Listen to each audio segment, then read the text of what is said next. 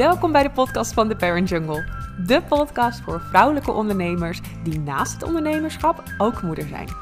Ik ben Britte, momcoach, onderneemster, verloskundige en daarmee de eigenaresse van The Parent Jungle, waarbij ik ondernemende vrouwen die zwanger zijn of net moeder zijn geworden van hun eerste kindje, help om naast het ondernemer en moederschap ook ruimte te blijven houden voor zichzelf. In deze podcast kun je mooie en eerlijke verhalen van mede-onderneemsters, interviews met interessante gasten en waardevolle inzichten en lessen uit mijn eigen ervaring verwachten. Heel veel luisterplezier!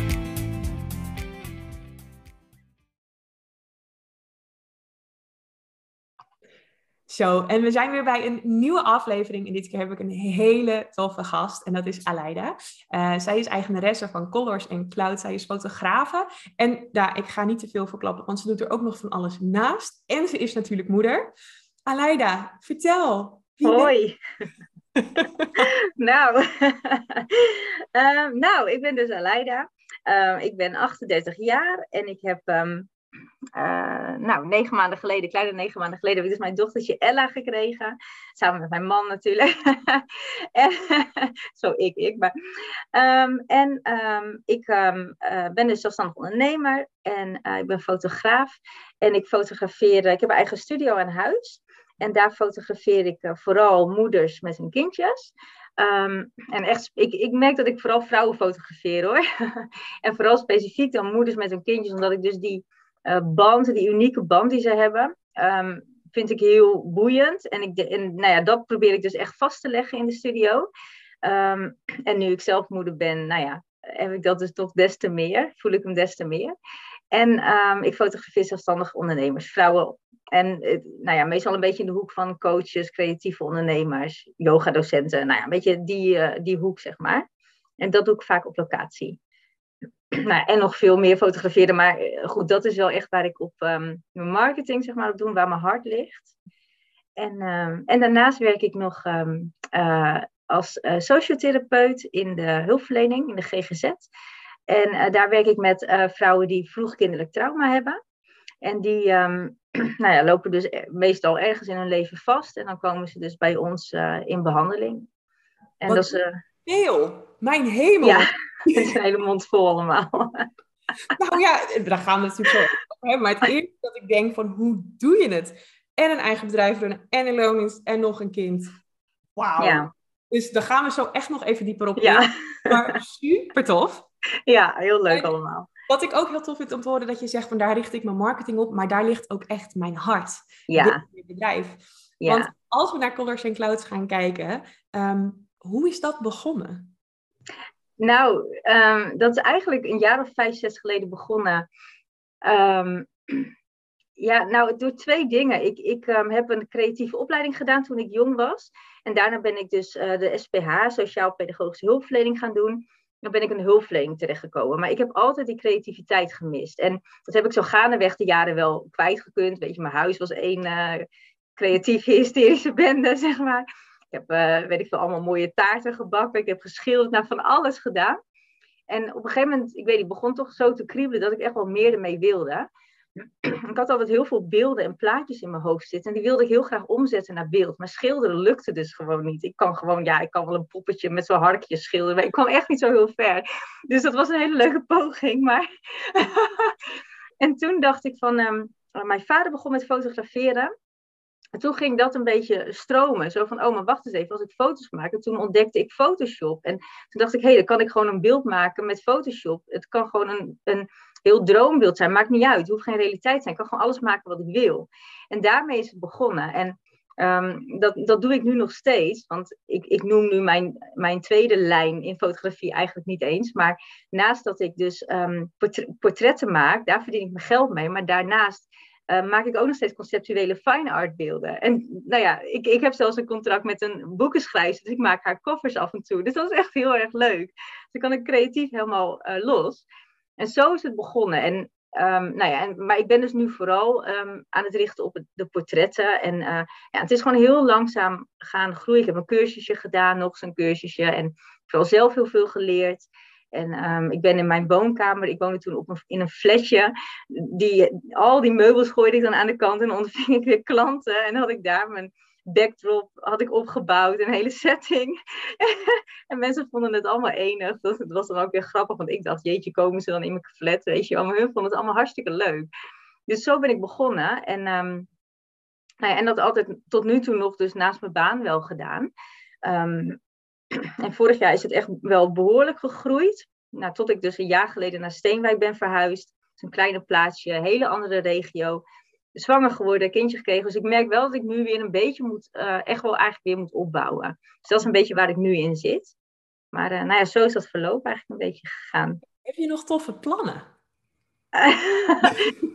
uh, nou, even kijken hoor. Nou ja, qua conceptueel werk merk ik vooral dat ik um, weer moet opstarten. Want ik heb een paar beelden gemaakt met Ella ook. Uh, over het moederschap. Maar die moet ik dus nog uitwerken, want ik heb gewoon nog geen tijd gehad. dus dat moet weer een beetje opstarten. En qua uh, portretten, ja, ik altijd in ontwikkeling. Maar waar ik nu in zit, is dat ik, mijn studio is echt best wel donker eigenlijk voor een daglichtstudio. Dat is eigenlijk de grap, ik kan alleen morgen shooten. maar, um, dus ik ben er nu toch aan, het geloven dat ik dus met flitslicht ga werken op een hele natuurlijke manier. Het blijft heel zacht. Dus dat is waar ik nu in zit, zeg maar. Om dat te gaan kopen en me daarin te ontwikkelen. En um, dus nou ja, dat voelt iets minder creatief, maar je kan er ook weer zulke mooie dingen mee doen.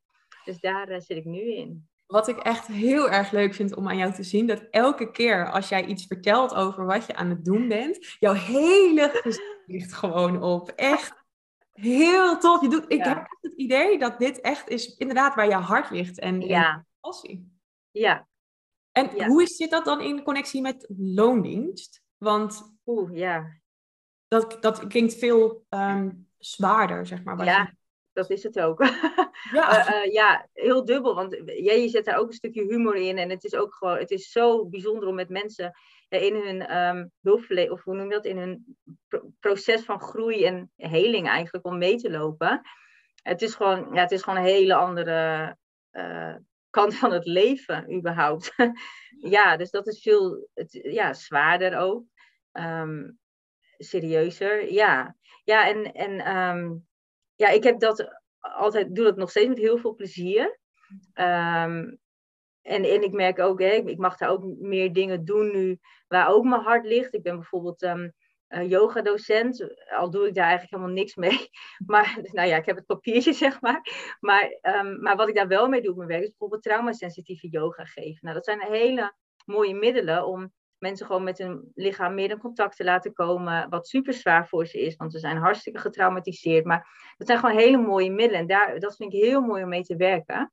Dus ehm, en ik merk ook dat ik, ehm, dat ik ook, ik werkte in de kliniek en ik merk dat ik dat stuk, dat valt me ook zwaarder. Eh, helemaal in de combinatie met het moederschap en met de fotografie. Ik deel te veel, zeg maar. Dus nou ja, toevallig nu, ehm, dat noemde ik net al hier vooraf al even bij je, ben ik, ehm, ik werk dus drie dagen in hulpverlening, maar ik ga nu over naar twee dagen omdat ik het dus gewoon allemaal, ik, ik kan niet al die ballen volledig in de lucht houden, zeg maar. En gelukkig kan het ook. En, ehm, eh, en dan mag ik me dus ook meer gaan richten op ehm, de deeltijdbehandeling. Dus overdag werken, geen onregelmatigheid meer. En eh, nou ja, dan kom ik ook weer wat meer in dat stukje waar mijn hart ook wat sneller van gaat kloppen, zeg maar. Dus dan is het allemaal wat behapbaarder. Ehm, want anders is het niet vol te houden. En met precies eigenlijk al wat ik aan het begin zei, als ik dit allemaal Ja. zo bij elkaar hoor, kan ik bedenken, wow, weet je. En dan hebben we het nog niet eens echt over het moederschap gehad, maar Nee. alleen al deze twee dingen naast elkaar. Ja, is gewoon veel. Eh, ja, Zou je ooit alleen maar het één, dus alleen maar ondernemen of alleen maar loon, eh, eh, hè, dat willen doen? Of zeg je van nee, juist de combinatie maakt het voor mij zo tof? ja ik, ik, ik vind de combinatie heel mooi. En dat heb ik ook altijd ge- geroepen, van ik wil de combinatie doen. Ehm, ik begin nou ook wel toe te groeien naar het stukje van... ehm, nou ja, hoe ik in het moederschap sta. En dat ik dat echt wel heel bijzonder vind. En ehm, hoe ik merk dat ik er voor Ella wil zijn. Nou, zou mijn ideaalplaatje wel zijn om volledig zelfstandig te zijn en vanuit huis dus te kunnen werken. En dan zou zij hè, heus wel naar een kinderdagverblijf gaan en zo, want anders is het ook niet te doen. Dat merk ik ook al. Ik kan niet in haar slaapjes werken. Het is een heel leuk concept, maar dat werkt niet.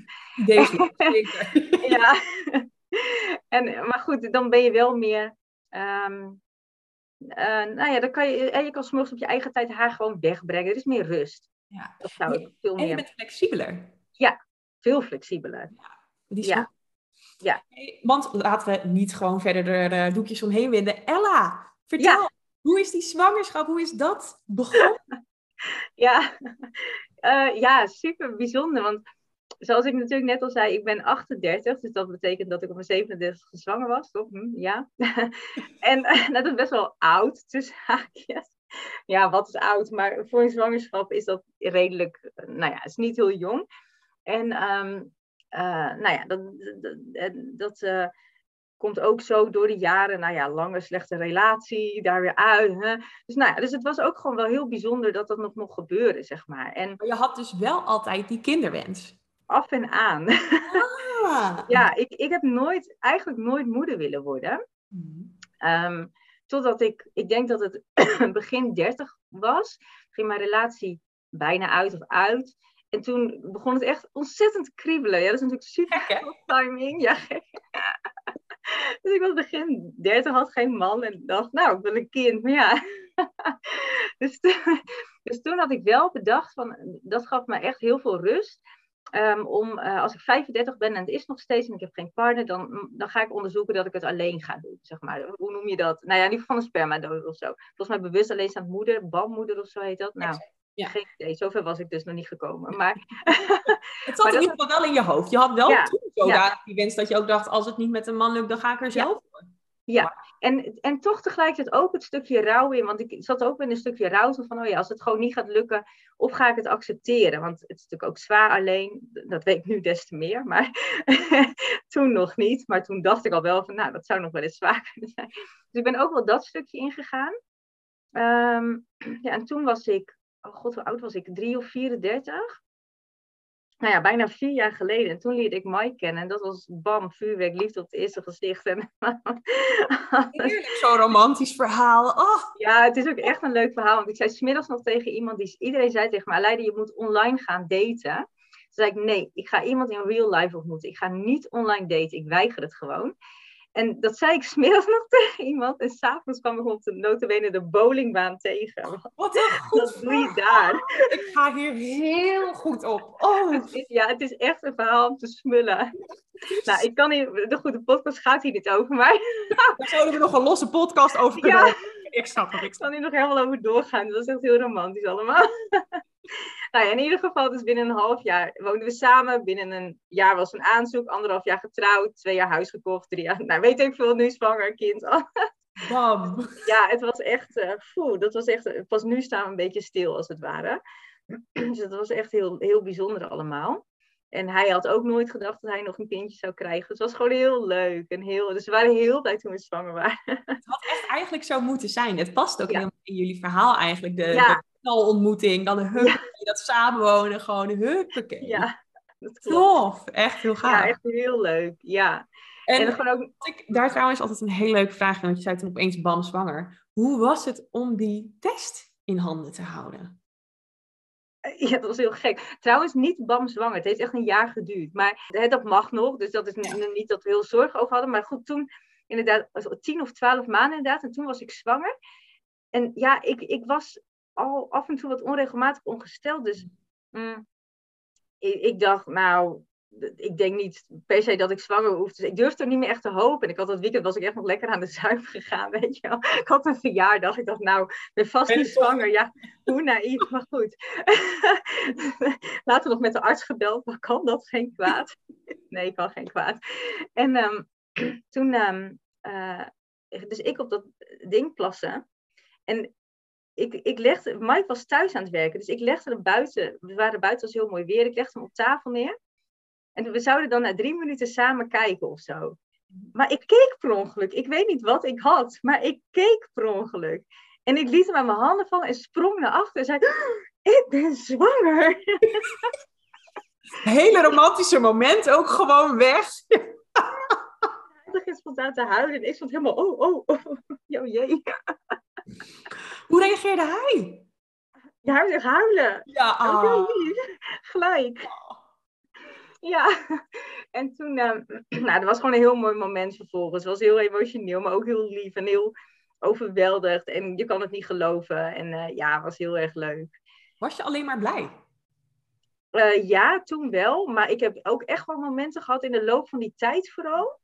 Um, dat ik echt dacht, ehm, dat het me echt wel ook wel overspoelde van. Ik weet nog dat ik bij een vriendin, we waren aan het verhuizen, dus ik zat met mijn vriendin op de grond in een lege kamer en ineens begon te huilen van, oh god, ik, ik, ik denk dat ik helemaal een kind groot kan brengen of zo. Dus van die stomme angsten.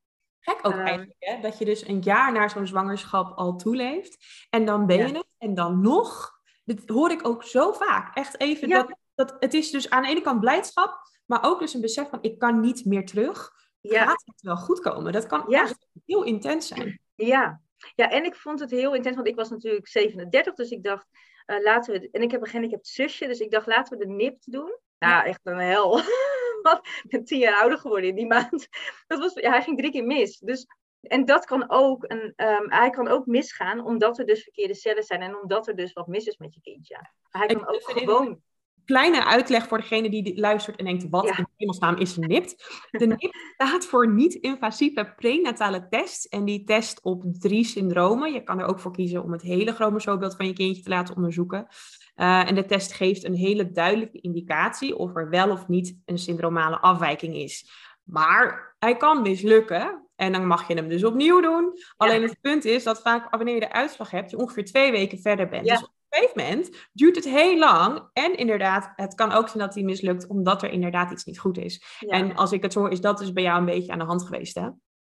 Ja, en hij is dus mislukt, pech. Het was gewoon, en, de eerste keer was het zoek geraakt, of, of koffie overgevallen door de laborant, weet ik veel. Dat zeggen ze natuurlijk er niet bij, maar dan is het om de een of andere reden door hun fout misgegaan. En die keer daarna was het mislukt. En die keer daarna kregen we gewoon een goede uitslag. Maar dat waren wel hele spannende tijden. En, die, ja, en, en dan ga je heel erg nadenken. Ik vond dat heel heftig. En dan ga je dus ook ineens nadenken over, nou ja, wel of niet abortus plegen. Wat ga je doen als je kindje dus inderdaad gehandicapt is? Ehm, en dan gaat het ook ineens voor mij in ieder geval van, ik kreeg zo'n gewetensvraag van, ja, maar dan is mijn liefde voor mijn kind toch voorwaardelijk? Start je daar dan al mee? Nou ja, dat vond ik zo ongelooflijk complex.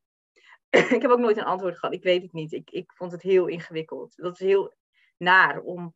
Ehm, want als je dus voor abortus pleegt, dan heb je dus geen onvoorwaardelijke liefde voor je kindje.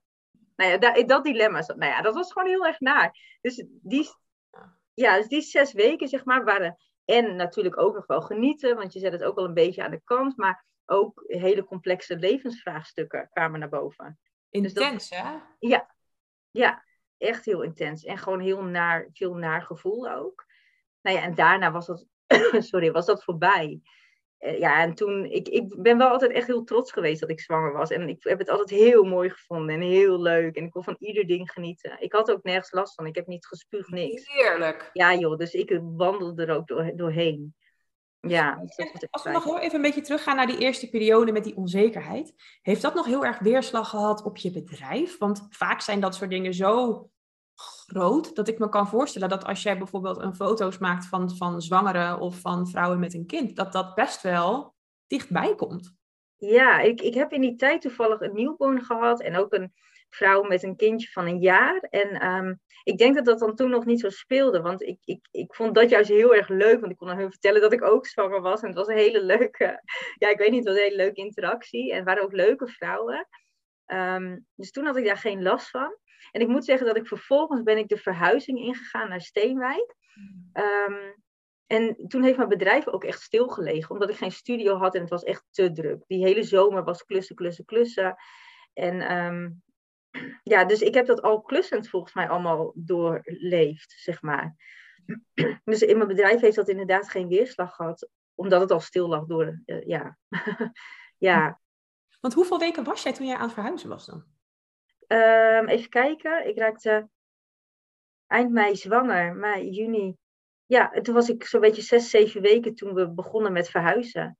Ja. Precies die tijd dan, hè?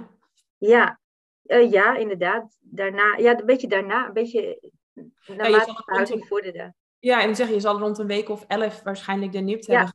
En eer dat jij al die uitslag had, zal je wel een maand verder zijn geweest. Ja, ja, klopt. Ja. Ja, toen, en toen waren we inderdaad nog bezig een beetje met klussen. En daarna ging een beetje de vakantie in. En nou ja, zo.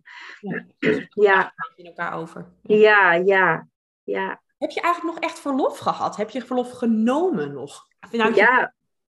ja, want mijn bedrijf die, die lag dus echt op zijn gat door de verhuizing. En daarna heb ik dus eigenlijk best wel opnieuw moeten opbouwen. En dat heb ik dus eigenlijk pas per 1 mei weer gedaan. Dus, dus ik heb eigenlijk... Ehm, uh, daar ook een beetje voor gekozen. Want ik voelde, ik was e-, wel best echt heel moe. En ook na, na me, naast mijn werk nog, toen werkte ik nog vier om drie dagen. En ik voelde gewoon niet heel veel energie om um, dan ook nog mijn bedrijf helemaal daarnaast weer helemaal op te bouwen, zeg maar. Dus um, eigenlijk heb ik dat gelaten. En um, ik, volgens mij kreeg ik maar echt een paar aanvragen ook. En nou ja, liep dat op de een of andere manier is het ook als je hoofd daar niet zit, dan, krijg je, dan stoppen de aanvragen bij mij op de een of andere manier ook altijd wel. Uh, dus dat kwam in die zin, nou was dat wel goed. En toen ben ik dus inderdaad gewoon een maand of vijf weken van tevoren bij mijn werk, mijn loondienst, met verlof gegaan. Ja. Kon je een beetje genieten van je verlof? Kon je het ook allemaal een beetje loslaten? Uh, ja, op zich redelijk ik vond het ook wel lekker om gewoon te, Ik had geen zin meer om te werken ook, joh. Dus ik was er lang klaar ermee. Oh, mooi uit. ja, ja, ja. Dus ik vond het prima thuis.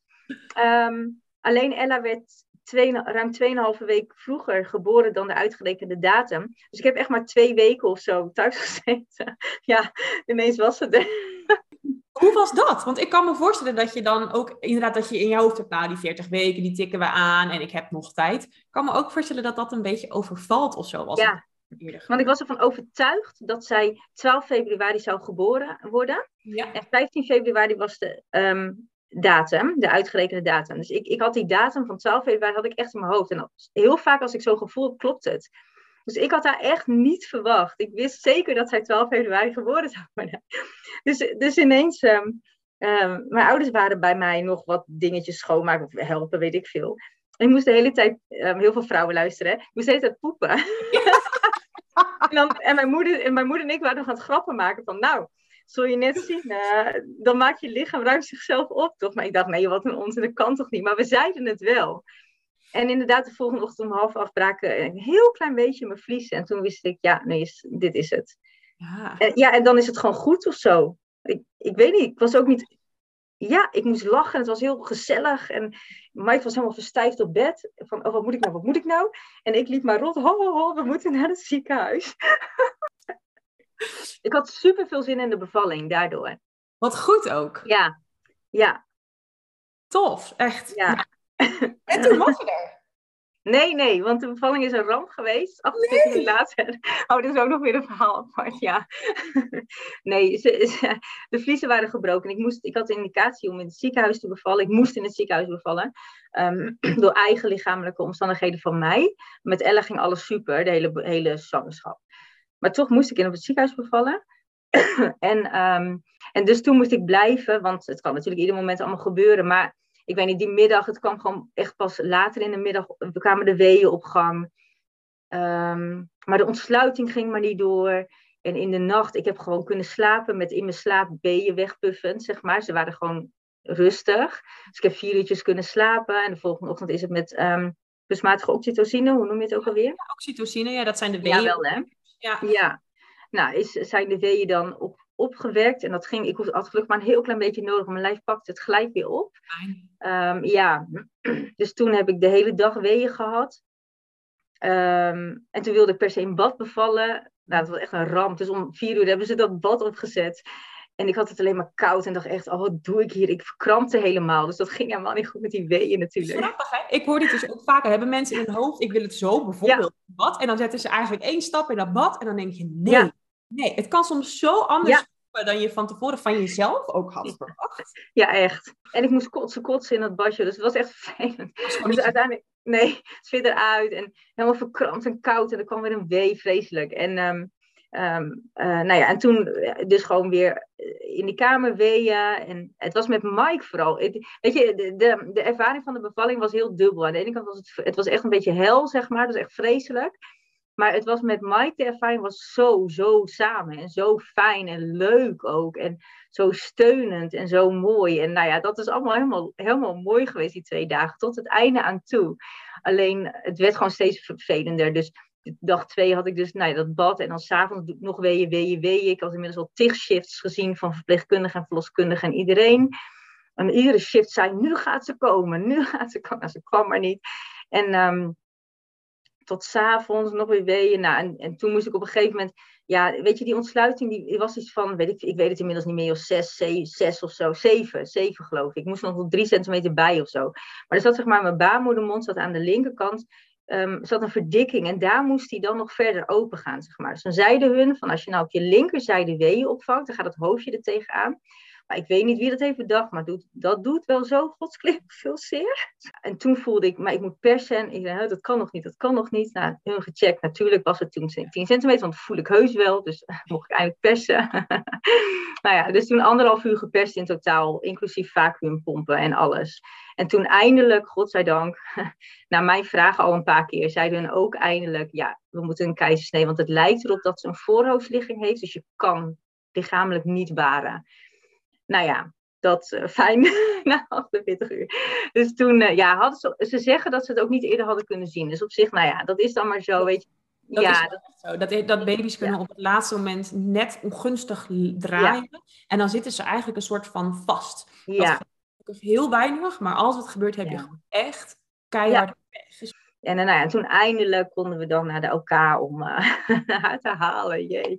Want op een gegeven moment is het heel raar. Want je komt een heel, eh, ja, ik noem het steeds alsof ik in een soort van rare tijdscapsule of tijdsvacuum of zo heb gezeten. Dus op een gegeven moment lijkt het zo, ja, dit klinkt heel raar, maar alsof dit je leven is. Je, je krijgt haar er niet uit. Het gaat gewoon niet gebeuren. Dit is, het is alsof ze ongrijpbaar wordt, zeg maar. Dat is heel raar om te ervaren. En toen met... Het is, dat is je wereld op dat moment. Er is niks anders dan dat. Ja.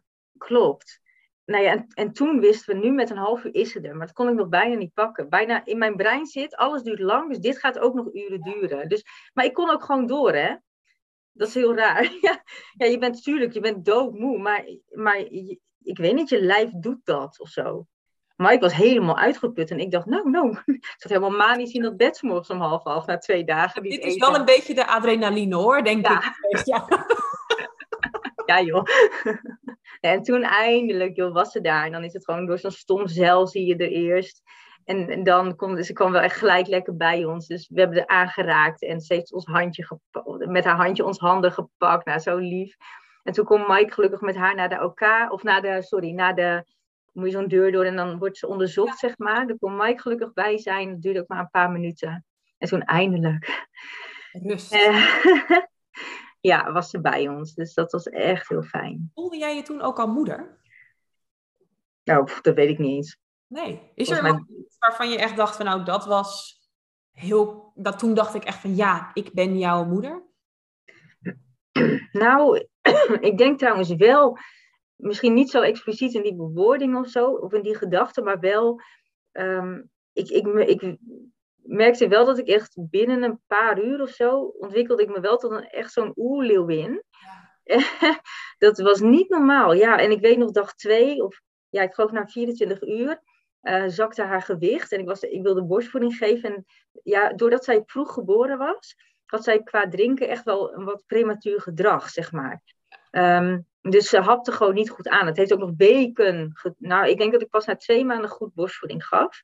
Dat ik daarvoor gewoon heel veel problemen had met haar met het aanhappen, zeg maar. Dat lukte haar gewoon niet goed. Dus dat, ze dronk moeilijk. Dus we moesten al snel bijvoeden. En, uh, en ik vond haar suf de volgende dag. En ik denk nog steeds doordat ze dus net wat te weinig voeding binnen had. Dat ze, want ze was namelijk heel klein. Ze was maar 2,5 kilo na wat afvallen dan. Hè? Dus ze was heel klein. Dus ik had zo'n zorgen. En ik haalde me van alles in mijn hoofd. En Mike mocht niet blijven slapen in het ziekenhuis. Dus ik was echt alleen, zeg maar. En, en nee, dat ging helemaal aan de haal. En dan heb je zelf al geen slaap gehad. Dus dat, dat gaat niet goed in je hoofd, joh. Dus ik was en heel bezorgd. Ja, en er komt echt zo'n leeuwin vrij dan. Uh, maar ook niet prettig, hoor. Dat was heel naar. Ja, dat geloof ik. En zeker ja. wat je zegt, je hormonen gieren door je lijf. Je hebt ja. Dat het is gewoon heel veel bij elkaar. En ook één zo'n kleintje waar je voor moet zorgen. En dan gaat het naar je gevoel ook niet goed. Ja. En je weet je, je raakt het, de grip gewoon heel erg kwijt. Ja. En ook dat je het niet zo goed recht krijgt in je hoofd. Want ik had natuurlijk ook nog steeds de angst met mijn zusje bijvoorbeeld. kwamen ze pas na weken na geboorte achter dat ze gehandicapt was. Mm. En op een gegeven moment merkte ze het aan haar doordat ze gewoon wat suffig en langzaam was, zeg maar. Dus dat kwam ook. En dus ik heb in mijn eentje die nacht heb ik daar gezeten met, oh god, ik heb een gehandicapt kindje, ik heb een gehandicapt kindje. En dat is heel, heel naar. En, um, en ook doordat je zo moe bent, mochten we zeg maar dag drie of zo, mochten we dan naar huis. Maar dat ik nog steeds bij die arts was, van ja, maar ze was suf, ze was suf. Dus nog steeds kreeg ik dat niet goed uit mijn hoofd, zeg maar. Je bent gewoon te moe. En je kan het niet meer pakken. Dus, dus dat eh, was wel een paar dagen zeg maar, vervelend. En op een gegeven moment ging dat gelukkig wel echt weg. Dat gevoel. Dus dan waren we ook gewoon lekker thuis. En uh, nou ja, dus dan is het allemaal ook wel weer anders. Maar ehm, ja, dat, dat vond ik wel heftig. Hey, en die tijd daarna, want toen je thuis was, hoe was dat opeens met zo'n kleintje? Ja, um, nou, het is wel, leuk, wel goed denk ik om even te weten dat mijn beste vriendin, die is kraamverzorgster en die kraamde bij mij. Dus dat was echt mijn grip op de realiteit ook. Want, ik had natuurlijk met mijn bevalling zoveel vreemde mensen gezien. Dat ik, ik had er niet aan moeten denken om ook nog een vreemde die week in huis te hebben. Dus het was voor mij echt. Uh, Goed joh. Mijn redding, ja. Echt een groot geluk. Ja, het was echt. Daardoor was het heel gezellig en fijn. En zij deed heel veel voor mij. En ik kon haar s'avonds gewoon nog appen, bellen, alles. En het was super fijn. Ja. Iedereen gewoon. Zo'n kraamzorg, ja. gewoon 24-7. Oh. Ja, echt hoor. Ja. En, um, en het was ook nog, het was een klein beetje complex die week, omdat mijn man die had blijkbaar in het ziekenhuis corona opgelopen. Dus ja, en we waren zo bang dat Ella het kreeg, dat hij ervoor heeft gekozen om, nou ja, zeg maar uh, vier, vijf dagen, toen was zij vier, vijf dagen oud. Toen is hij dus tweeënhalve dag in quarantaine boven gegaan. Wij sliepen beneden, we hebben beneden een slaapkamer. Um, dus dat was ook, dus hij kon haar niet vasthouden, niet helpen, niet niks, zeg maar. Um, ja, dus ik, en, nou ja, en ik kreeg ook nog corona, maar daar heb ik eigenlijk geen last van gehad hoor. En ja, het was echt lekker. En, en Ella heeft niks gekregen, dus dat was super fijn. Maar en, gewoon um, een hele combinatie bij elkaar. Ja. Net bevallen, er is van alles gebeurd. Ja. Bizar. En dan ook nog dat corona-verhaal. Ja. Overheerst gewoon zo je kraamtijd die eerste ja. periode. Ja, en vooral de gevolgen, dat je ouders niet langs mogen komen. Dat, ik weet niet, het, dus eh, wij wilden ook niet heel veel bezoek. Maar ja, het was natuurlijk wel fijn geweest als onze ouders gewoon hadden kunnen komen.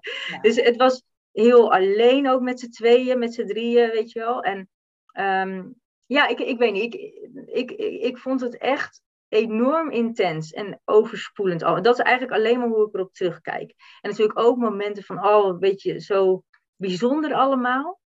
Maar ik, vooral die eerste weken vond ik vooral echt heel intens en overspoelend. En, en uh, weinig slaap. Dus ik kreeg soms mijn hoofd. Ik weet niet, oh, je hoofd gaat soms echt aan de haal. Ik kan daar dan wat last van hebben. En mm, uh, nou ja, je bent met je partner heel erg aan het zoeken naar rollen en verstandshoudingen. En dat komt er ook nog bij. Die had ik ook niet ingecalculeerd. Dus uh, nou, het is echt mega veel. Ja, nou ja, wij hebben, wij hebben al een klein beetje gesproken natuurlijk. En toen zei ik al van, de, zoals bijvoorbeeld Instagram wordt overspoeld met hoe je borstvoeding moet geven, hoe je de regie over je bevalling moet houden, nou bla bla, allemaal die dingen. Ja, prachtig hoor. En daar heb ik ook echt, zoals die bevallingsverhaal, heb ik heel veel aan gehad. Want daardoor heb ik echt heel veel regie kunnen houden. Maar ik word niet overspoeld met dat jij dus zo overspoeld wordt als moeder die eerste weken. En dat zal misschien ook niet iedereen zo ervaren, maar... Um, wel veel, denk ik hoor. Wel veel, denk ik, ja. ja zeker. En dat heeft er ook... En oh, dat is trouwens ook een van de redenen dat ik dit überhaupt ben gaan doen. Dit, ja. Zetten, omdat ik weet dat het eigenlijk het grootste deel van de vrouwen het intens noemt. Dat ze zich overweldigd voelen met alles wat er gebeurt. En je, je hebt namelijk, het punt is dat je geen één vlak in je leven op dat moment heel even stabiel is. Want je relatie verandert, je, je, heel simpel, je huis, je indeling in je huis is veranderd, je fysiek is veranderd, je hormonen zijn veranderd en je hebt er een, een familielid bij. Dus er is, eigenlijk staat alles op losse poten. En dan heb je ook nog slaaptekort. En dan zeggen we allemaal succes ermee. Ja, nou echt. Gek. Ja, ja, dat is echt heel bizar. Ja, en, en ik heb dat allemaal van tevoren echt niet kunnen overzien. En ik denk ook hoor, dat ik, ik heb echt wel heel veel last gehad van die bevalling. Um, en ik heb denk ik ook heel veel last gehad van de hormonen. Want ik heb me echt, vooral de eerste, nou ik weet het niet meer, ik denk zes weken of ik weet het niet meer. Maar echt wel de eerste weken heb ik echt bij zoveel momenten gehad dat ik zo, zo, zo intens verdrietig was. En zo moest huilen. Ik wist bij God niet waarom. Nou, ik denk dus dat dat gewoon het hele pakketje bij elkaar is wat ik niet kan pakken. Wat ik niet kan omvatten op dat moment. Uh, maar dat maakte het nou niet uh, een roze wolk. nee, en ik denk ook dat, dat een roze wolk, heb ik wel eens vaak gezegd, ik denk dat misschien 5 tot 10 procent van de vrouwen. Ja, kan je nagaan. En de rest is gewoon dit. En heel eerlijk, ja. dit is de realiteit. Alleen ja. die 5 tot 10 procent roze wolk, die zien we op de social media compleet ja. uitvergroot. Maar we zien daar ook niet de andere kant van. En dat is nee heel erg zonde. En ook waarom ik die taboes doorbreken zo belangrijk vind.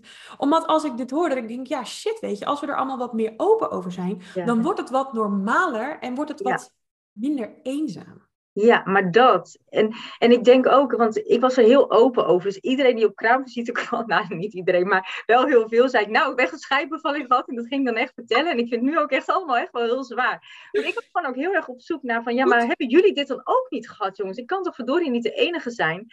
Want ik hoor dit niet. Maar ik denk ook een beetje wat er gebeurt. Want waarom hoor ik dit niet van mijn moeder? Niet van mijn tante, niet van, weet je, of van vriendinnen nou ja, van vriendinnen wel een beetje. Want één vriendin appte ik op een gegeven moment van, had je me dit niet even kunnen vertellen? En zij zei, ja, maar had ik niet, ik had het niet uit kunnen leggen. Dat was haar antwoord.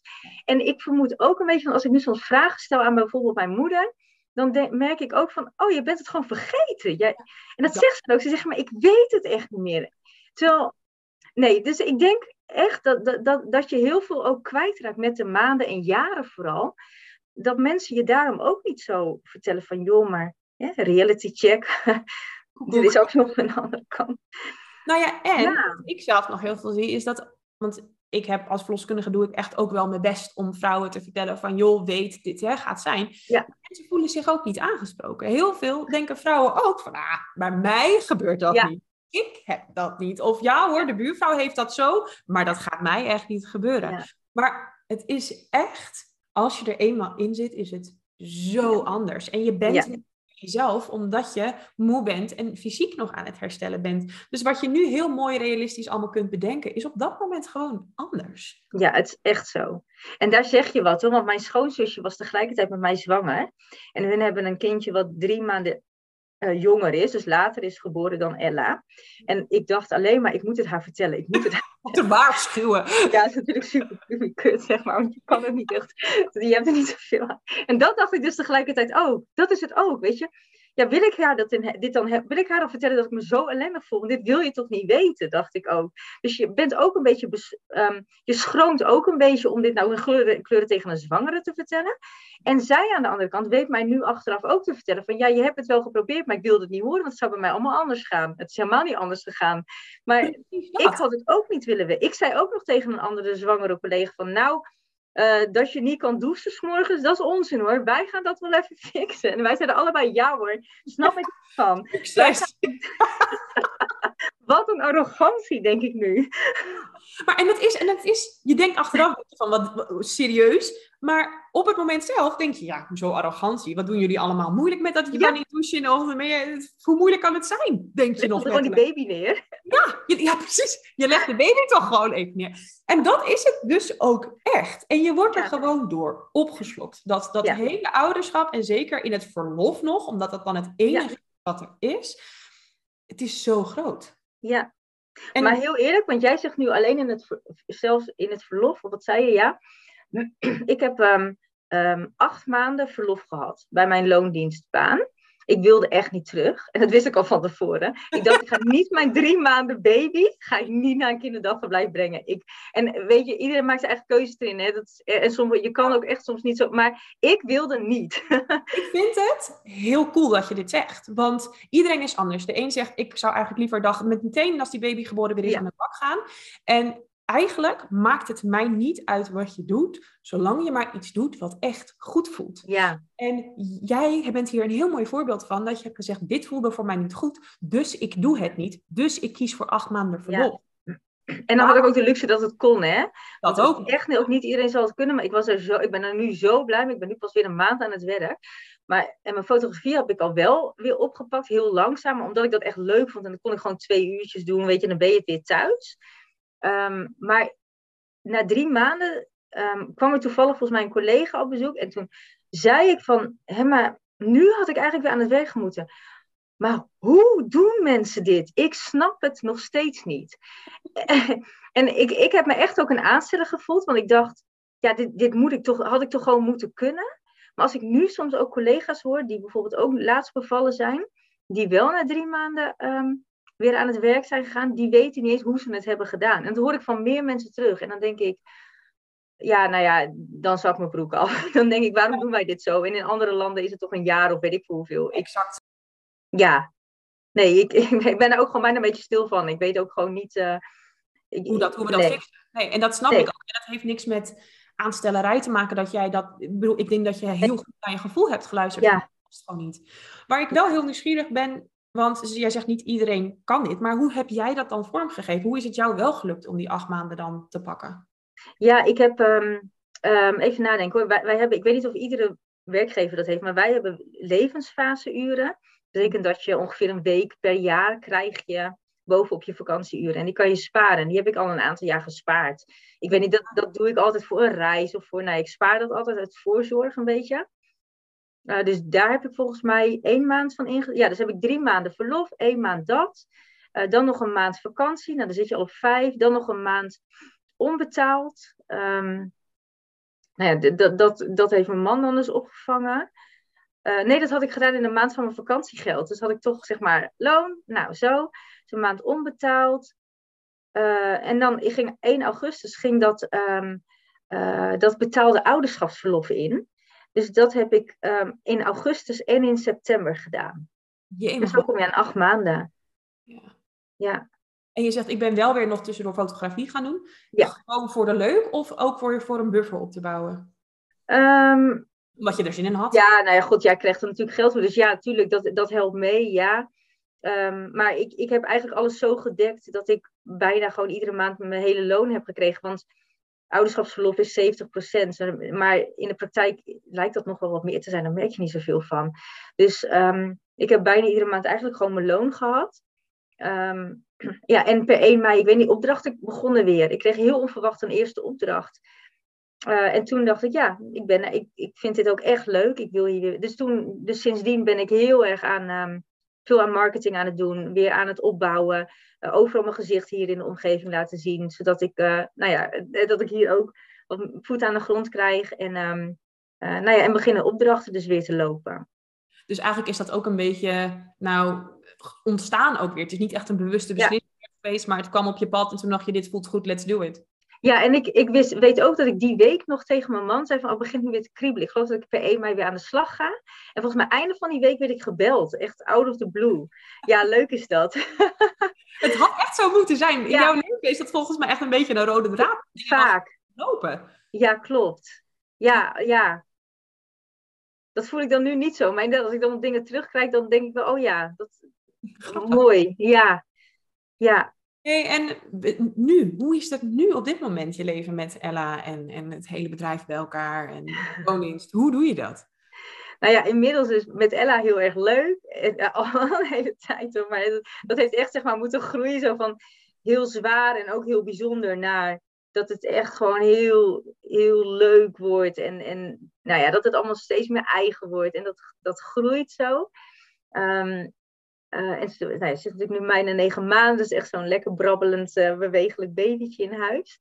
En um, uh, ja, nou ja, ik werk dus tot, deze, tot komende week, werk ik dus nog drie dagen in loondienst.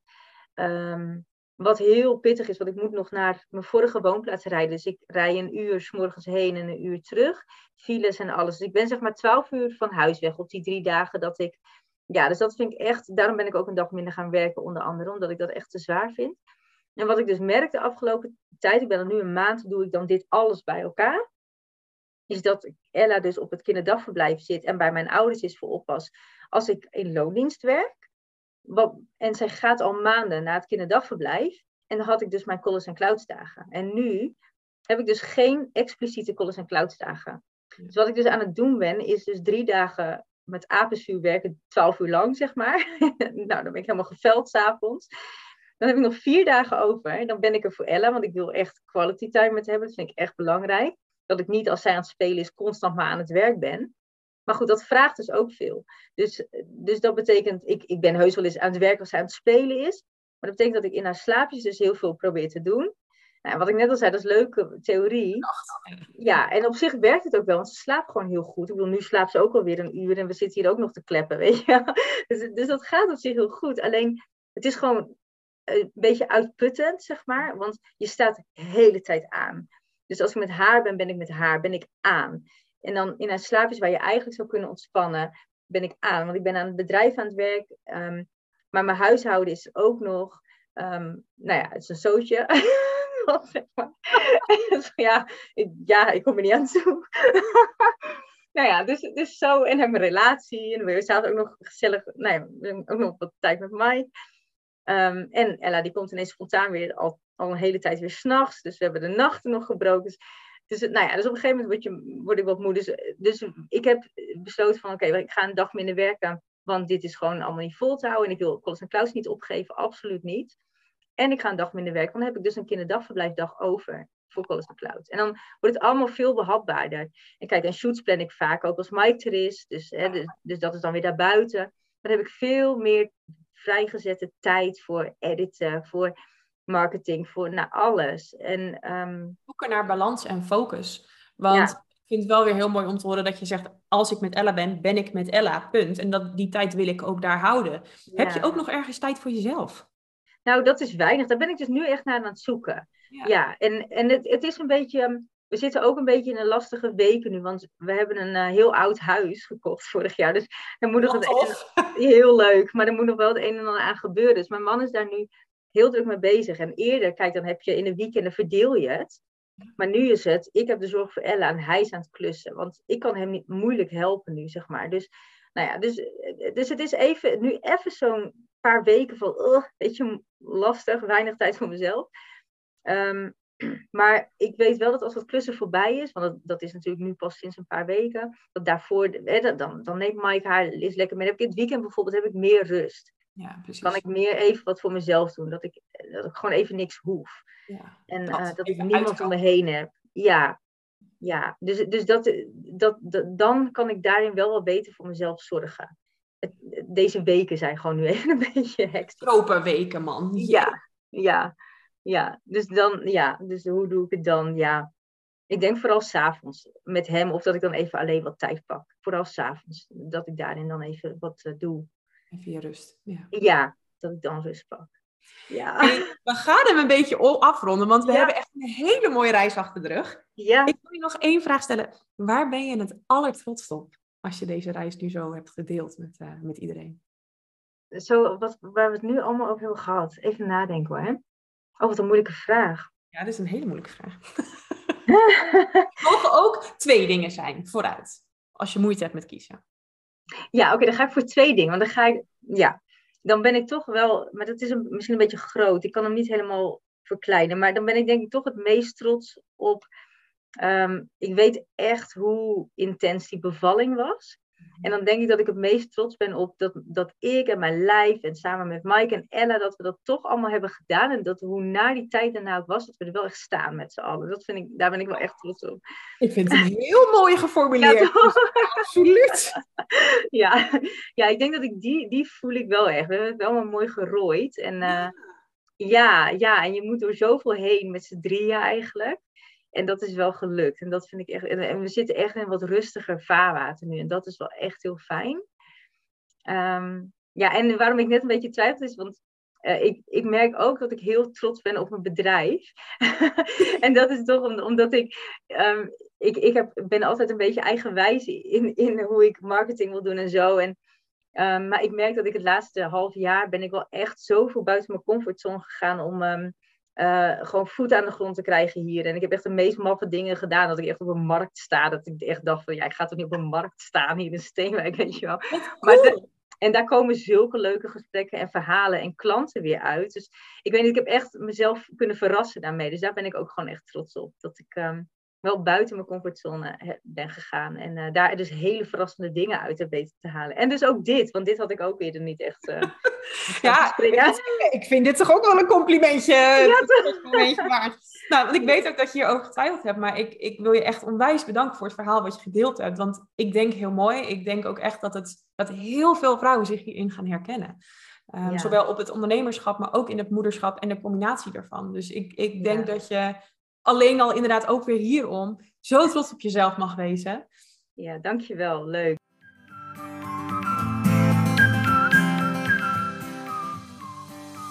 Bedankt voor het luisteren naar deze aflevering. Ik ben natuurlijk heel benieuwd hoe je het vond, dus laat vooral een reactie of een review achter. Daar help je mij mee, maar ook andere zwangeren of moeders die op zoek zijn naar een interessante podcast. En wil jij nou ook weer meer ruimte voor jezelf naast het zijn van ondernemer en moeder? Dan ben ik er ook voor jou. Kijk even op www.theparentjungle.nl of volg mij via Instagram theparentjungle. Tot dan!